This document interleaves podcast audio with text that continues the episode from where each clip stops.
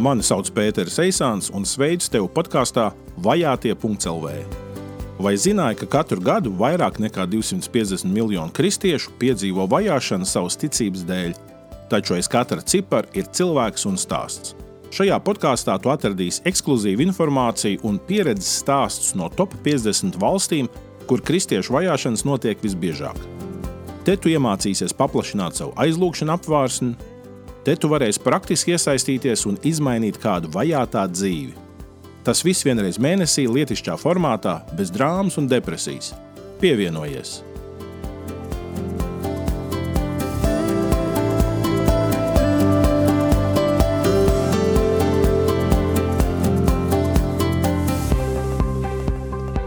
Vajātie.CLV Mēs šodien turpinām sarunu par vajātajiem kristiešiem pasaulē, un mūsu epizodē būs uh, divas sadaļas. Otrajā sadaļā mēs runāsim par Eritreju un par Sudānu.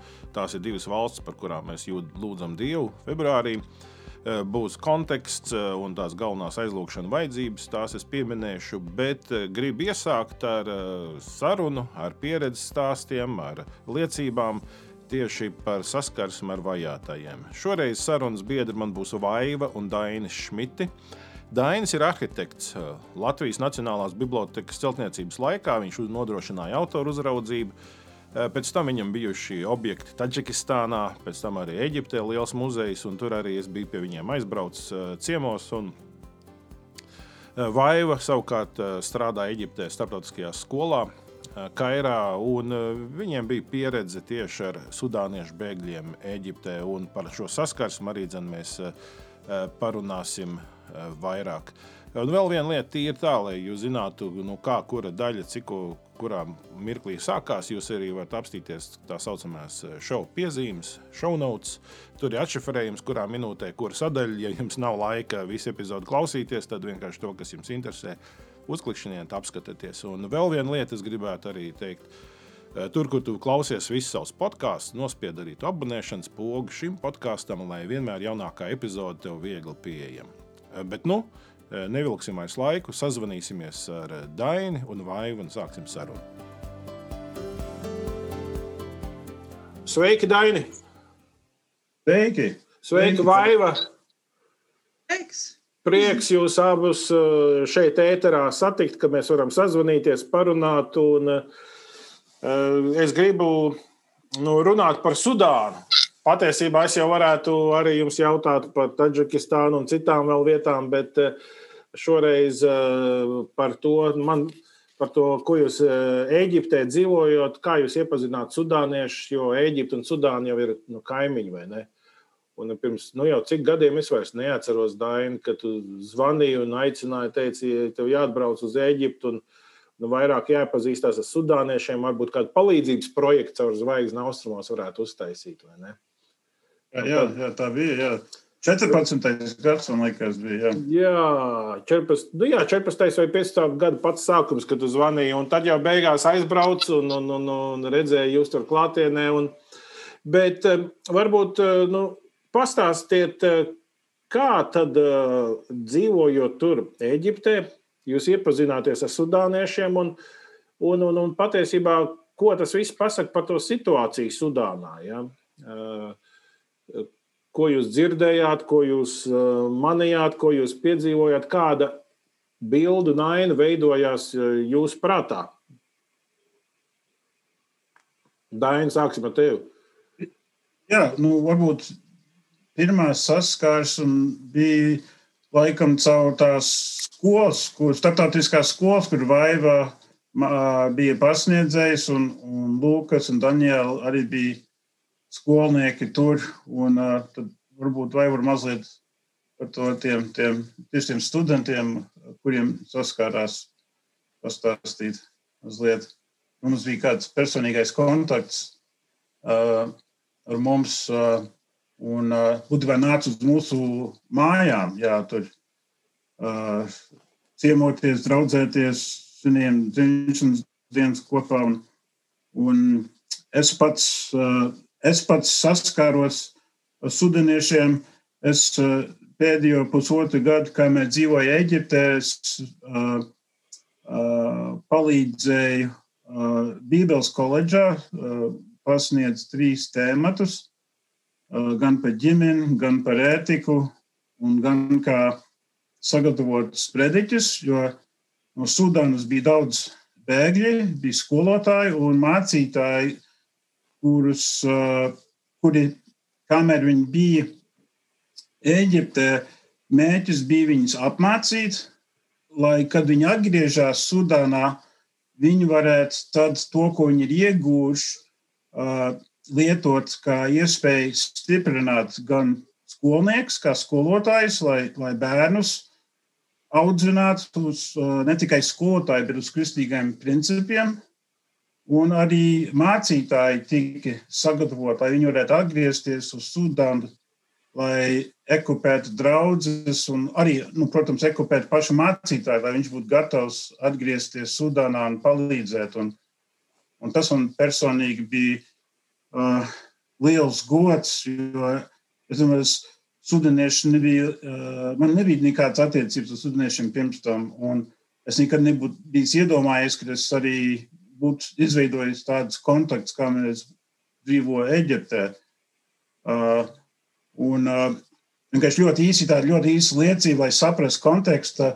Mums tanī, tanī, tieši tādā kursā, kur, kur mācīja, kā eksigēt dieva vārdu, kā sagatavot sprediķi, uh, mums bija viens vakars, kur katrs stāstīja par sevi, no kurienes viņi ir. Un, un viens no šīm um, uh, studentiem liecināja, kā, kā, viņa, kā viens cilvēks, kuru viņi pazina, viņš uh, bija musulmanis, viņš palika par kristieti.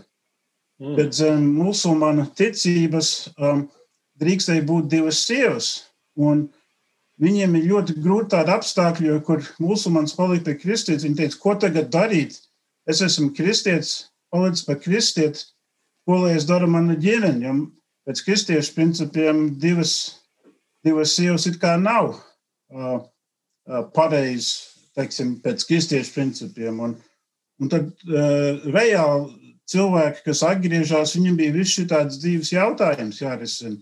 Un kā viņiem palīdzēt, un kā viņiem dot padomu. Un, un šī gadījumā tā padoma bija abas tā, tās sievas un bērni no abām šīm sievām, jūs esat atbildīgs. Kā kristietam jums vajag rūpēties par abām šobrīd. Un tad, lai, lai laiks parāda, kas notiks pēc tam, vai viņi atgriezīsies vai nē, tad jūsu pienākums kā tēvs ir mīlēt un uzturēt savu ģimenes, kaut vai tev ir divas sievas. Un, mēs rietumu pasaulē mēs Vai Latvijā tādiem jautājumiem nesaskaramies? Ko darīt? Es esmu tagad palicis pie kristieti, ko es daru divām vai trijām sievām. Mums tādu jautājumu nav. Un tas vienkārši kā piemērs, lai parādītu, uh, ko var saskarties uh, uh, un kādas vajadzības ir. Un, jo ģimenes ir ļoti grūtās stāvokļos, jo tie, tie, tie bēgļi nāk no milzīga kara stāvokļa un ir visādi gadījumi. Tas tā, no manas puses. Nu, pirms jau vaiva iesaistās Dainu, gribēju pajautāt, nu, tu runā par bēgļiem, jā, tu runā par uh, karu. Tu, tu vari pakomentēt bišķi vairāk par, par ko es stāstu, par kādiem bēgļiem, par kādu karu, kas, kas, kas tur tāds uh, notiek un kāpēc būtu jābēg? Um, nu, tur notiek karš, uh, uh, tur ir tas iemesls, ļoti sarežģīts, vai, vairāki slāņi. Tur ir reliģiski iemesli, starp, protams, kristiešiem un, un musulmaņiem. Tas ir viens. Otrs ir Ziemeļu un, un Dienvidu Sudāna dalās arī ir vara pat par sevi. Un tā vara ir tieši saistīta ar komerciālo labumu. Tā ir nafta. Mhm. Un briesmīga, briesmīgi arī uh, rezultāti vai ietekme no visas tās. Un tad vēl arī ir uh, šī cilts kara vai pilsoņu kara, vai kur tās cilts pats par sevi ir karš viņa vidē. Un viss tas kopā, un, un tādā Bībeles koledžā uzzināja, ka gandrīz katrs students, kas bija manā klasē, bija zaudējis vai nu vienu vecāku radinieku, vai abus. Un, un, un Mums arī bija viens uh, puisis, kas nāca pie mums ciemos, ar kuru vajag tagad vēl uztvert kontaktu, kas bija zaudējis visu ģimeni. un viņš īstenībā nemaz nezina, cik vecs viņš ir, jo viņam nav nekāda papīra vai dokumentu. Te ir te iziet tādam postam cauri, un tas karš ir visādos līmeņos cilvēkus. Um, kas saka, visas ģimenes izjauktas un kultūra samaitāta caur, caur tā, kas tur notiek. Un, un, protams, cilvēkiem ir, bēgļi, viņi ir jābēg, prom no tādiem apstākļiem, lai vispār uh, saņemtu palīdzību, un, un daudziem daudz neatgriežas Sudānā. Nu, uh mhm. -huh. To puisi, ko mēs pazīstam, viņš imigrēja no Eģiptes uz, uz, uz ASV.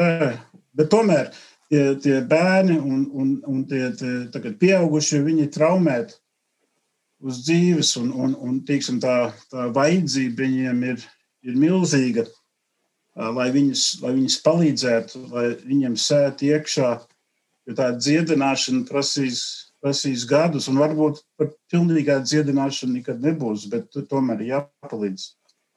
Jā, tas ir interesanti par to puisi. Jā, viņš, viņš arī esot Amerikā, viņam likās, viņš aizbrauks uz Ameriku. Protams, Eģiptē viņam bija ļoti, ļoti grūti. Viņš, viņš neko daudz negribēja stāstīt par to karu. Viņam bija kaut kādi, cik viņam bija, kaut kādi 11 gadi, kad viņš atkolās uz Eģiptu. Viņš, viņš īsti nekad nav stāstījis, ko viņš ir pieredzējis. Viņš teica, ka Laikam Amerikā vienai psiholoģijai viņš beidzot visu ir izstāstījis, jo viņam bija pašnāvības domas, viņš sev gribēja nogalināt, viņš neredz dzīvē jēgu. Viņam tās nu, sekas ar, ar visu to postu, kas viņam bijis, ir nu, ļoti, ļoti lielas. Arī esot Amerikā, kur nu, viņam likās, ka piens un medus, zin kā, mhm. tur, tur ir vislabākais, un tomēr tur viņš arī saprata, ka tas nu, nav, nu, kā, tas neatrisinās viņa tās problēmas, bet viņam, viņa acis priekšā ir māte nogalināta, un viņam kā, brāļi un māsas arī ir pazuduši, vai tur ģimene nebija vairs, kā viņš atbrauc zēģi, viņš ir pilnīgi viens, tad caur Lutāņu vai Anglikāņu baznīcu kaut kādā veidā. Mēs viņu iepazināmies caur vienu citu amerikāņu kristieti. Mēs vienkārši sākām, sākām ar viņu runāt. Viņš pirmo reizi savā mūžā mēs viņam uztaisījām dzimšanas dienas svinības, jo mēs vienkārši prasījām, nu, cik to gadu varētu būt. Un viņi izstāstīja, kā viņiem dzimšanas dienas, kā viņiem dzimšanas dienas vispār tiek noteikts. Jo viņi neviens nezina īsti, cik viņiem ir gadu jo viņam nav neviena dokumenta. Tad viņi izdomā, nu, tu izskaties apmēram tik vecs, nu, labi, tev būs apmēram šajā datumā dzimšanas diena, un, un tad svinēs tajā.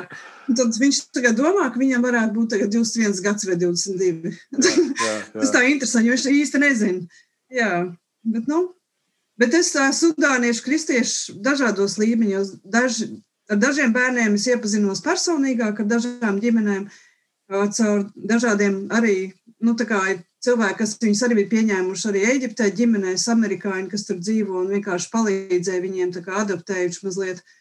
Caur arī, es zinu, ka tur ir sudāniešu skola, kur arī cilvēki palīdzēja bērniem mācīties. Un, un tad, kad zvaigznes austrumos bija, tad mums bija iespēja tikt uz tiem eģiptiešu rajoniem, kur redzēt, kā viņi dzīvo tajās ķieģeļu mājās, ka viņi guļ uz ķieģeļu klāja ka viņi reāli viņiem tur nekā nav. Viņiem varbūt ir viens matracis, labākā gadījumā nav neviena mēbele. Viņi burtiski gulēja ķieģeļu telpā uz matračiem, uz zemes karstumā, bez logiem, daudzi tumsā. Bez ūdens, Jā, bez ūdens, bez elektrības. Viņi vienkārši tagad tādā cietumā, tādā absolūtā nabadzībā, daudzi vienā dzīvoklī. Mēs tie neapskaužam apstākļi. Tie ir Eģiptē, Sudānieši ir vieni no arī neieredzētajiem slānis, cilvēkiem, un es arī nesapratu, kāpēc. Bet, ja Eģiptē ir sudānietis, jebkurš viņu varēja kā pat eģiptieši viņu sita un, un darīja viņiem pāri. Viņiem, viņiem bija bail iet uz ielas, vieniem bieži viņus piekāva. Visādi nu, vai tas arī nav tādēļ, ka viņi ir tomēr nu, ļoti melnādaini? Un uh, vidējais eģiptietis tomēr nu, tik, tik tumšs nav. Un, uh, Un arī Sudānā, nu, Ziemeļsudāna, tur jau vairāk tāda arābiskas izcelsmes uh, populācija, un tā uz dienvidiem atkal viņi visi ir tumšādainie, kā nu, tipiski afrikāņi. Nu. Jā. Un vai arī tas uzreiz jau neprognozēja kaut kādu, ka tie tādēļ ir kristieši, tie ir savādāki, nu, pēc reliģijas, pēc rases, jeb to tik vienkārši nevarēja noteikt. Es nevarēju, bet viņi noteikti varēja. Man bija grūti pateikt. Tā kā varēja būt arī tumšādaini musulmaņi, vai, vai mhm. sudānieši, vai kaut kādā veidā viņiem tās atšķirības, viņi savā starpā noteikti tur varēja noteikt. Bet nu, katrā ziņā viņiem tur tie konflikti bija diezgan aktuāli arī Eģiptē. Jā. Jā, kas arī, ko es ievēroju, tādā Bībeles koledžā, kur, kur, kur tur kalpoju īsu laiciņu, tur daži tie studenti, viņiem pagātni ir uh, musulmani pamatā. Viņi musulmani, kas ir palikuši pie kristieši. Tad viņiem blakus varēja sēdēt no, no tās pašas cilts, bet viņš ir pieaudzis kā katolis no bērnības, mhm. kristīts. Bet viņi abi divi, kā tu teici, kā pēc Āfrikas, pēc izskata viņi neizskatās nu, tīri, tīri ļoti tumšs, ogļu tumšumā. Jā. Ādu, un viņi daži no tām ciltīm arī ļoti atšķirās. Daži ļoti īsi, metri 65, metri 70, daži uh, tūpi divu metriem. Mm. Uh, ļoti gari. Jā. Mm -hmm. Un, un, un tā, tie cilvēki tā, fiziski, tu neko nevari pateikt, ja paskaties. Vai, uz vienu paskatos, tas ir pārsteigums, ka viņš to pateiks, es biju kristietis kā, kristīts kā katolis. Un paskaties uz otru, viņš, nē, nē, nē, es esmu bijis, visu vis dzīvi biju musulmanis, tikai beigās es paliku pie kristieti. Un ir daži tie, kas ir sekulāri, kas tīri no savas tās uh, ciltbūtnes, tā, tā uh, pagānu rituāliem, no, no arī ļoti daudz man stāstīja, kā burvestības un, un witchcraft uh, caur ciltstēviem nodarbojās ar šīm lietām. So tās pagātnes ir ļoti, ļoti atšķirīgas. Uh, bet tā lietiņa ir, kad viņi visi sanākuši kopā zem kristiešu karoga, tagad viņi, uh, viņi tagad uh, savu dieva vārdu tiek mainīti un ekupēti un stiprināti, un, un evaņģēlijas ir neatkarīgi no šīm atšķirībām, evanģēlijas ir iegājis iekšā un maina cilvēkus. Un arī kontekstu. tas, kā tu teici par to skolu, ka viņi arī gatavojas atgriezties atpakaļ tajā vidē. Un, un es domāju, tā ir vide, kas viņus ir savapinājusi un traumējusi. Un, kad tu stāst, vai ne, ka nu, gandrīz katrs ir vai nu savu tiešā ģimenē, vai plašākā ģimenes lokā, kāds ir nogalināts, nomocīts vai vēl kaut kas Es domāju, no vienas puses tie ir apbrīnojami cilvēki, kas ir gatavi tādā, nu, atgriezties atpakaļ uz tādu vidi, uh, arī lai nestu evaņģēlīju. Arī, arī ģimenes lietā viņi man stāstīja, mums bija tāds uh, uh, par ģimeni, mums bija arī semināri un diskusijas, un viņi, viņi mums stāstīja, ka puiši no, no paša bērnības, viņiem nekādā veidā nav nekas mācīts par, par par ģimeni vai par, tu, par kā, kā kaut ko palīdzēt. Un, un, un, un kad viņi pieaug klāt, uh, sieva gāja medībās, sieva taisīja ugunskura, sieva taisīja visu ēdienu, mm. uh, sievas rūpējās par bērniem, un, un uh, tie sudanīši, viņi nepiedalījās nekādā veidā, nevienā tām lietām. Viņš bija galīgi pārsteigts, nevis pat medībās. Pat medībās, tas apbrīnojami. Viņš bija galīgi viņi nebija amati, un tagad, kā, kā kristieši, viņam šie principi uh, liekas galīgi atšķirīgi. nevis, nevis, ka tā ir kristieši, viņš vienkārši viņi nesaprot, ka viņam visi, visa domāšana jāmainās. So, tā, tās ir lietas, kas man liekas, bija, kas uh, arī man atvēra acis uh, par daudzām lietām, kur mēs kādreiz rietumos, Latvijā, Eiropā mēs, mums neienāk prātā, ka tās lietas, ko mēs uzskatām, ka pat par savu saprotams, tur tas ir kultūras kauns, kas ir jāapgāž, lai, mm. lai dievam darīt darbu, mainīt cilvēku. Jā, bet nu, tad, kad es ciemojos pie jums, tad nu, varbūt tas nav tādā tiešā veidā par to Sudānu, vairāk par to Eģiptes vietu, bet es atceros, ka mēs braucām garām vienam krustojumam, kur viena maza meitenīte, jūs parādījāt, vai es nezinu, vai tu atceries, bet mazā meitenīte, kas tur stāvēja, vai ne, un, un, un, un, un, un tu teici, nu, šādas meitenītes stāv un, un, un par viņu likteni stāstīja, kas, kas parasti ir, es domāju, nu, tas tomēr ir tik skaudri, vai ne? Nu, tad, kad kāds uz hurgadu brauc tur peldēties un ienirti jūriņā, viņi jau neko no tā neredz, nedzird, bet cik bieži ir nu, tie, tie salauztie likteņi un, un, un, un, un, un arī, kā Dāņi tu saki, nu, viņš nāk no tādas vidas, no kultūras, un uh, tomēr evaņģēlijas viņu kaut kā māca ceļu un, un, un ne tikai dod tādu mūžīgo glābšanu, mūžīgo dzīvību, bet arī tādu arī kaut kādu ikdienas dzīvē kaut kādu nu, risinājumu.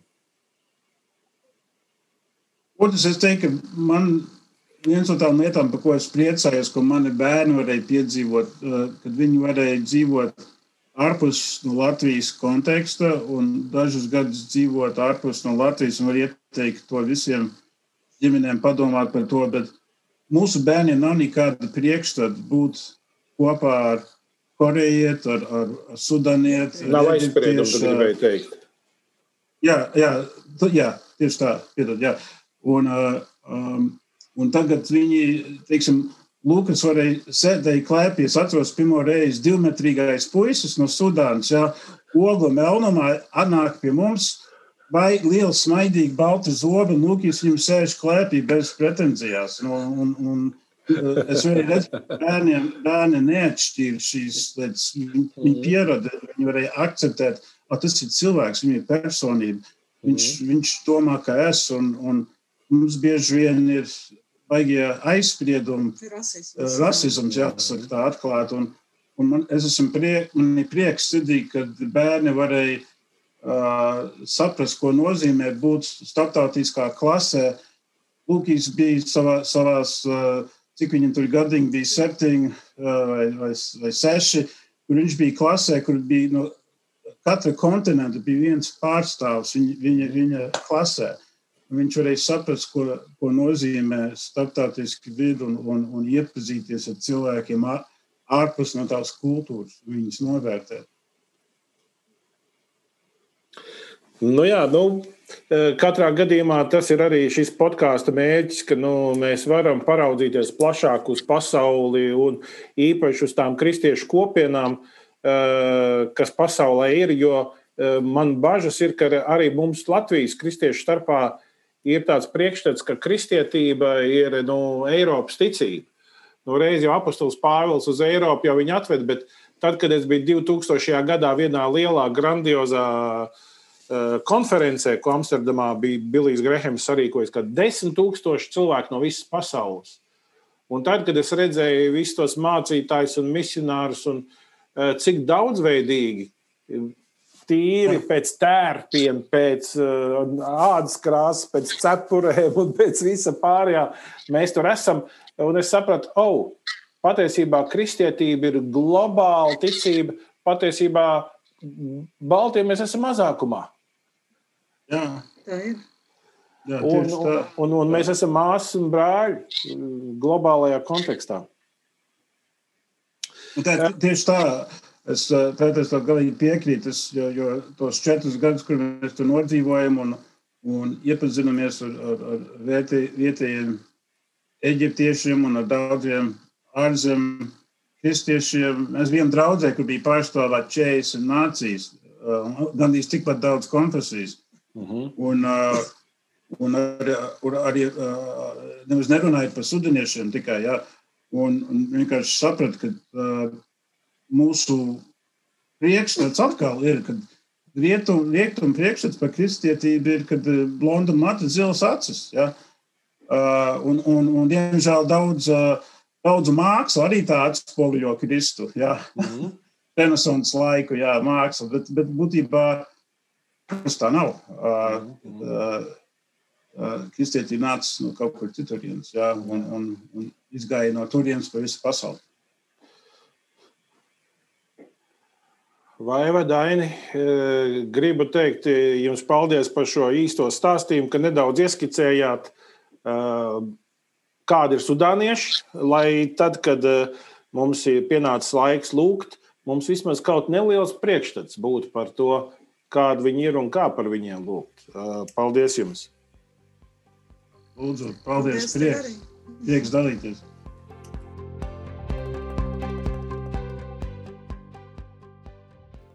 Paldies Dainim, paldies Vaivai par stāstu un par viņu pieredzi, bet nu, mēs pārējām pie nākamās daļas, kur mēs runājam konkrēti par valstīm, kuras ir kristiešu vajātājas. Un šajā reizē mēs runāsim par Eritreju un Sudānu. Vispirms par Eritreju. Tātad Eritreja atrodas pie sarkanās jūras, Un uz ziemeļiem, ziemeļrietumiem ir Sudāna, uz dienvidiem ir Etiopija, austrumos ir Džibuti, un tad uz ziemeļaustrumiem ir Sarkanā jūra. Uzreiz otrā krastā ir Saudārābija un Jemena. Tātad tas ir tas reģions, kur atrodas Eritreja. Eritrejas galvaspilsēta ir Asmara, un Eritrejā dzīvo 6 miljoni iedzīvotāju. Ja skatāmies to reliģisko sadalījumu, tad 63% būtu kristieši, 36% būtu musulmaņi un 1% būtu vēl dažādu citu uzskatu sajaukums. Ja nepieciešams raksturot Eritreju, tad par to mēdz teikt, ka Eritreja ir Āfrikas Ziemeļkoreja. Ko tas sevi ietver? Tas nozīmē to, ka valstī ir militārā diktatūra, tu nevari brīvi izbraukt no valsts. E, varētu teikt, valstī riņķī ir dzels priekškars. Pašreizējais Eritrejas prezidents Isaijas Aferverki pie varas nāca 1993. gadā. Vai tu atceries, ko tu darīji 93. gadā? Pieļauju, ka kāds no jums vēl nemaz nebija dzimis bet Eritrejas konstitūcija paredz daudzpartiju sistēmu. Bet dabā pastāv tikai viena partija ar nosaukumu Tautas fronte par demokrātiju un taisnību. Ja? Vai nav liela ironija? Tautas fronte par demokrātiju, bet ir vienīgā partija, kurai ir atļauts pastāvēt šajā valstī. Vēl viena lieta, ko Eritrejas konstitūcija paredz, ir ticības brīvība taču pret kristiešiem un arī pret citiem ticīgiem izturās kā pret valsts ienaidniekiem. E, tas konservatīvais aprēķins ir tas, ka šobrīd kādi 500 cilvēki ir ieslodzījumā, 500 kristieši. E, ir arī aprēķini, kas saka, ka tas varētu būt pat desmit reizes vairāk. Nu, es labāk pieturos pie konservatīviem aprēķiniem e, nekā pie tādiem nu, aktīvistu aprēķiniem, kas dažreiz mēdz būt arī uzpūsti. Bet tomēr 500 tas nav maz. Taču es negribētu, ka jūs domājat, ka ir tikai sliktās ziņas vien. Ir arī kaut kas labs. 2020. gada vasarā eh, notika vairākas atbrīvošanas, kur kristieši tika izlaisti ārā no ieslodzījuma. Piemēram, no maksimālās drošības režīma cietuma tika atbrīvot 27 kristieši, kas vairāk nekā desmit gadus bija pavadījuši ieslodzījumā. Jūlijā 22 metodisti tika atbrīvoti, pārsvarā sievietes un bērni. Arī no kāda cita ieslodzījuma vieta tika atbrīvot vairāk desmit vasarsvētku draugu locekļi. Un šķiet, ka galvenais faktors varētu būt bijis tieši Covid-19, jo ieslodzījuma vietas ir pārpildītas, un e, tas varētu būt bijis galvenais faktors. Protams, ir arī cerības un ir jālūdz, lai arī režīms mainītu attieksmi. Varbūt, ka Covid ir aizgājis un tomēr šīs atbrīvošanas turpinātos. Bet katrā gadījumā ir briesmīgi nonākt Eritrejas cietumā. E, kāds cietums, kurā ir 500 vietas, e, bet ir 2,5 tūkstoši ieslodzītie. E, citā maksimālā režīma cietumā, kur ir 500 vietas, ir 20 toaletes un uz visiem, un kur ideāli apstākļi ir Covid izplatībai. Tātad Katrā gadījumā šī nav valsts, kur jebkurš pilsonis jūtas labi, kur nu vēl vairāk, ja tu esi Eh, ticīgais, kurš eh, savu kaut kādu dzīves autoritāti saņem nevis no cilvēkiem, bet no Dieva. Un redziet, 2002. gadā tika sākta mērķtiecīga kampaņa pret visām reliģijām. Eritrejas pareizticīgo patriārhu, piemēram, ieslodzīja mājas arestā. Vasaras svētku draugu ticīgo dievkalpojumu tika aizliegta pilnībā. Ja viņus pieķēra Bībeles studijās vai lūkšanas apulcēs, tad viņi var nonākt eh, ieslodzījumā. Un varētu likties, ka cietumi ir tas sliktākais, bet tomēr nav. Ir vēl šīs improvizētās ieslodzījuma vietas, kur kristieši ir turēti kravas konteineros. Tos arī sauc par uh, tuneļiem. Un iedomājies, kāds mežonīgs karstums pat dienu ir uh, nu, Āfrikā. Ja? Nu, tur, kur ir Āfrikas raks, Saudārābija, Eģipte. Ja? ja jūs esat tur bijuši, jūs varat iedomāties, kāds karstums. Bet tad, kad tu vēl esi tur ieslodzīts konteinerī, uh, Eh, kur arī dzen, vēl citi cilvēki, un arī toaleti turpat visi iekšā ir jādara eh, uz vietas konteinerī. Ja? Karstums pa dienu, dzestrums un augstums naktī. Un tad, ja tu gribi sevi mierināt un teiksim, sākt slavēt Dievu, dziedot vai arī lūdzot Dievu, lai sevi mierinātu un iepriecinātu, tad jārēķinās ar fizisku sodu un vārmācību no sargu puses. Un redziet, militārā diktatūrā visa centrā ir jautājums par varu. Šī vara nevar pieļaut, ka ir kāda cilvēku grupa, kas saka, nē, jūs neesat augstākā vara. Es jūs neatzīstu. Es atzīstu tikai Dievu, to kungu.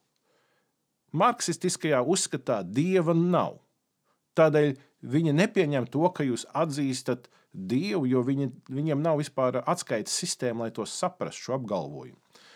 Un kā tas ir iespējams, ka kāds kaut ko saredz vēl augstāk par valsts varu, kurai ir zobens un spēks rokā? Tāpēc kristieši ir valsts ienaidnieku kategorijā, jo viņi nepakļaujas valsts varai kā augstākajai varai. Un vēl jau, jau smagāk tiek vajāti Jehovas liecinieki, jo viņi ir pārliecināti pacifisti, un tas ir nepieļaujami, ka valstī kādam ir uzskati, kas to padarītu nederīgu kara klausībai, jo Eritrejā arī ir obligātais kara dienests. Un redziet, militārā diktatūra pēc būtības vienmēr jau visu saredz šajās draugu ienaidnieku kategorijās. Ja tu neesi draugs, tad tu esi ienaidnieks. Un, ja tu ienaidnieks, tad tu vari būt tikai ārējais ienaidnieks vai arī iekšējais ienaidnieks.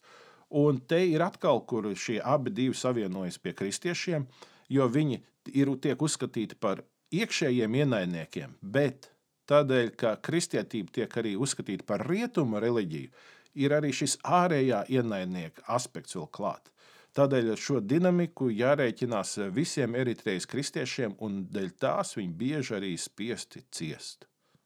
Tas ir tāds īs ieskats Eritrejas tajā situācijā un kontekstā, bet nu par eh, četrām aizlūgšanu vajadzībām. Eh, pirmā ir tā, tādēļ, ka valdības spēki noklausās telefonu sarunas un veids neskaitāmus reidus, kas vērsts pret kristiešiem un sapulcēm, un tas var beigties ar arestu un arī ieslodzījumu bez tiesas, lūksim, lai Dievs parāda savu žēlastību kristiešiem un viņu vadītājiem un viņu ģimenēm un apmierina viņu garīgās un fiziskās vajadzības, lai viņi var dzīvot bez bailēm un lai viņiem būtu iztika.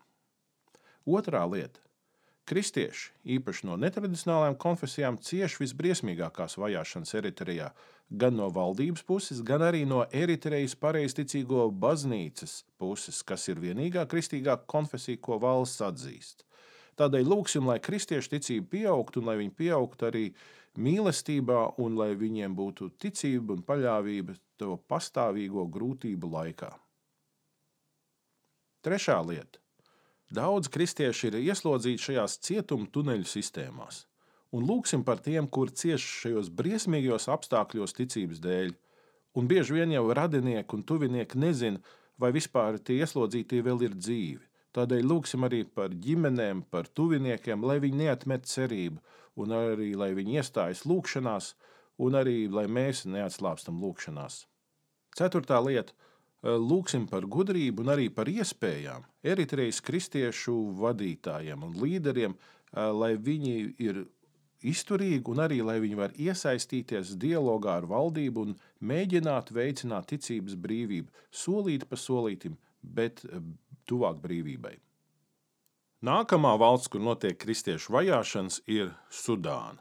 Un tā arī ir Eritrejas kaimiņiene. Sudāna ir tieši uz dienvidiem no Eģiptes, un uz rietumiem, ziemeļrietumos ir Lībija, rietumos ir Čāda, eh, dienvidrietumos ir Centrālā Afrikas Republika, dienvidos ir Dienvidsudāna, uz eh, dienvidu austrumiem ir Etiopija, un tādu austrumos ir Eritreja un Sarkanā jūra. Tātad tas ir tas reģions, kur atrodas Sudāna. Līdzīgi kā Eritrejā, arī Sudānā ilgu laiku valdīja viens cilvēks. Šeit bija Omārs Albašīrs. 1989. gadā militāra apvērsuma laikā viņš nāca pie varas. Un, ja jūs mācījāties geogrāfiju nu, pirms gadiem 20 vai 30 vai vēl senāk, tad jūs eh, droši vien atceraties, ka Sudāna bija viena un vienota valsts, bet kopš 2011. gada Eh, Sudānas dienvidu daļa pasludināja neatkarību un tika uzņemta arī apvienoto nāciju organizācijā un atzīta par neatkarīgu un suverēnu valsti. Un Dienvidu-Sudānā gandrīz 13 miljoni iedzīvotāju, lielākā daļa, 60% kristiešu, 33% afrikāņu tradicionālo reliģiju piekritēji un 6% islāms. Tātad Dienvidu-Sudāna pārsvarā kristīga valsts, bet eh, līdz 2011. gadam tā bija daļa no Sudānas. Eh, šobrīd esošajā Ziemeļsudānā, nu, Sudānā, kas ir ziemeļos, ir 41 miljonus iedzīvotāju, 90% no tiem ir musulmaņi. 5% kristieši, 3% tradicionālas afrikāņu reliģijas. Un redziet, tad, kad jūs uzziniet tikai šos statistikas datus, uzreiz jau parādās kaut kādas potenciālies spriedzes punkti. Un tas, protams, ir arī e, reliģiskais un etniskais aspekts, un to ir arī jāpiemina. Nu, principā jau arī ir. E, Sudānas nu, pēdējo gadu desmitu vēsturē tas zīmīgākais, kas ir, ir šariata likums, kas bija Sudānas likumdošanas stūrakmens un genocīds. Un par šīm abām lietām, tīri kontekstam, es gribu arī dzen, pieminēt. Es negribu tikai pieminēt, es gribu arī mazliet vairāk paskaidrot un pateikt. Tātad šariet likums. Tātad šarija ir arābu valodas vārds, kas nozīmē taka vai ceļš. Šarija māca dzīvot praktisko dzīvi katram musulmanim, islāma piekritējam. Par pamatu ņemot divas lietas - tātad Korāna tekstu, kas ir svētā grāmata, un Muhameda dzīves aprakstu, paraugu. Ja, tātad grāmata, Korāns un Muhameda dzīve. Šie abi ir par pamatu šāriet likumam. E, ko sevi ietver šāriet likums? Principā gandrīz pilnīgi visu dzīvi. Sākot no tā, kā lūgties, uz kuru pusi pagriezties, eh, kad lūdz, cik bieži lūgties, kā izšķirt konfliktus, arī kā ganīt un kā kaut lopus, kā ēst, kā dzert ūdeni, kā iet uz toleti, ar kuru roku slaucīt. Arī kā iekaustīt savu sievu vai kā izturēties pret seksa verdzenēm. Tas viss ir šāriet likumā. Mūsdienās neviena islāma vairākuma valsts nav balstīta tikai un vienīgi šariat likumā. Nu, izņemot uh, ISIS kalifāts, uh, kas kādu laiku pastāvēja, uh, tur tā bija norma, bet mūsdienīgā sabiedrībā ir nepieciešams daudz niansētāks likumu klāsts, un šariat likums vien to nevar izpildīt. Bet šariat likumu var ņemt par pamatu un to apaudzēt arī ar mūsdienīgāku likumu vajadzībām, atbilstošiem normām un likumiem un, un, un visu to pārējo. Un kas notika Albašajā režīmā, tiklīdz viņš nāca pie varas, tā viņš šo paņēma kā pamatu konstitūcijai, un tas izpaudās arī ļoti praktiski. Piemēram, kaut vai sodu klāsts. Sudānā tika praktizēta nomētāšana ar akmeņiem. Un eh, Pārsvarā cietušās bija sievietes, un, un tām tika piespriests, bet patiešām tas tika praktizēts. Tāpat tās arī dzena, pēršana, publiska pēršana ar pletni. Un atkal diezgan tipiski bija no 40 līdz 100 sitienas piešķirt, un ir arī dokumentēti vairāki vīrieši, kas ir nomiruši ieslodzījumā pēc tam, kad viņi saņēmuši šo pērienu.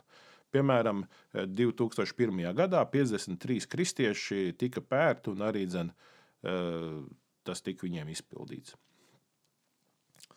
Eh, vēl šariat likums paredzēja tādu sodu veidu kā krustā sišana. Un izrādās, ka tas arī dzen, tika piespriests. Piemēram, 2002. gadā 88 cilvēki eh, tika sodīti ar nāves sodu krustā sitot. Redziet, bet tā ir tā kā pagātne. Tas bija.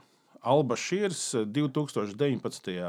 gadā tika uh, nomests no varas, un arī tika mainīta konstitūcija.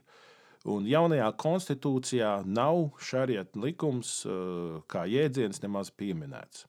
Un līdz ar to tās normas sāk atšķirties no šariet likuma.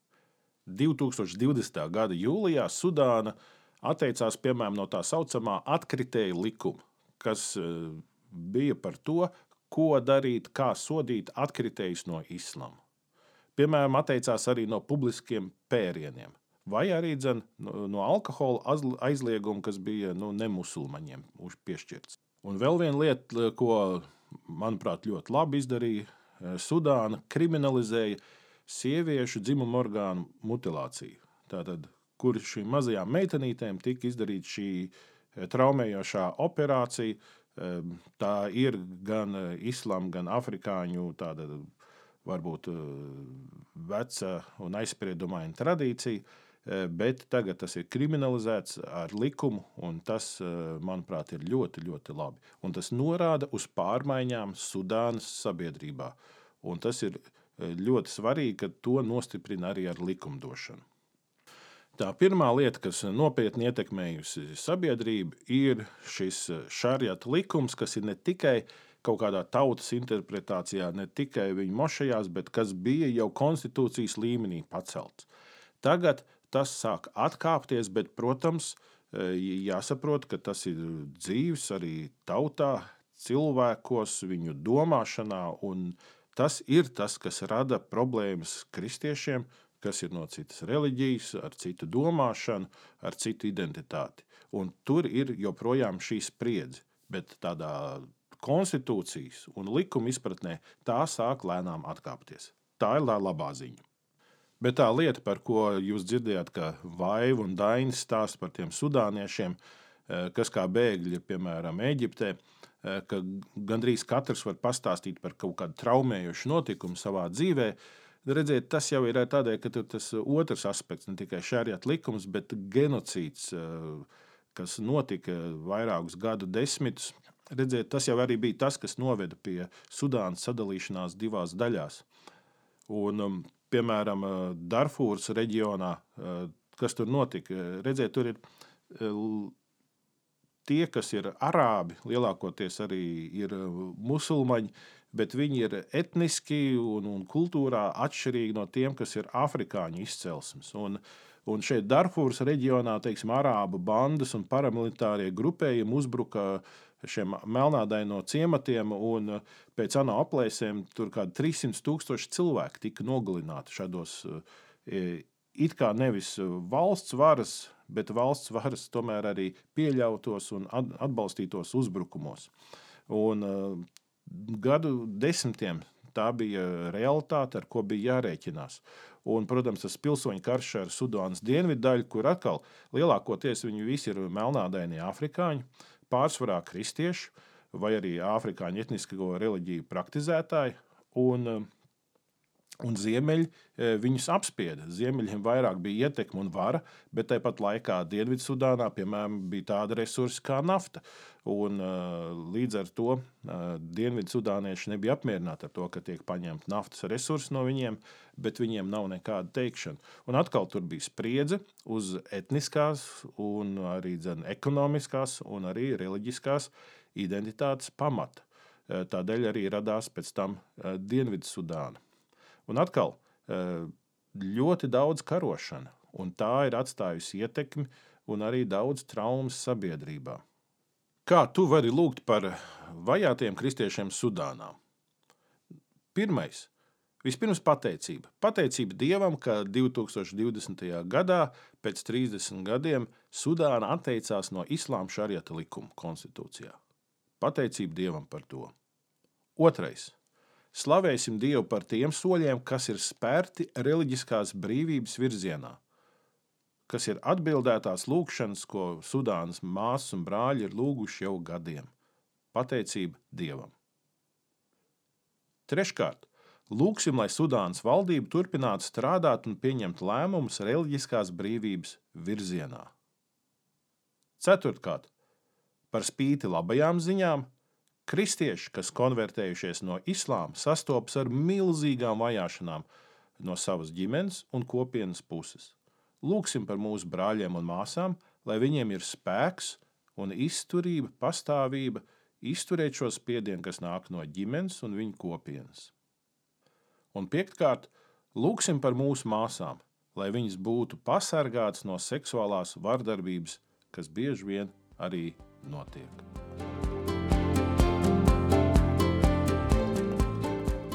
Tas īsumā viss par kristiešiem Eritrijā un Sudānā. Ja tu noklausīsies šo līdz galam, paldies tev par iesaistīšanos, par uzmanību, par aizlūgšanām. Turpināsim būt vienoti lūgšanās par mūsu māsām brāļiem. Arī dzirdi, ja tu vari padalīties ar šo lūgšanu ideju savā mazajā grupā vai savā draudzē, lai mūsu skaits top lielāks un arī lūgšanā pieaug spēks. Taču šai reizei tas ir viss. Teikšu līdz nākamajai reizei visu labu un tiekamies nākamajā epizodē. Domājams, pēc divām nedēļām.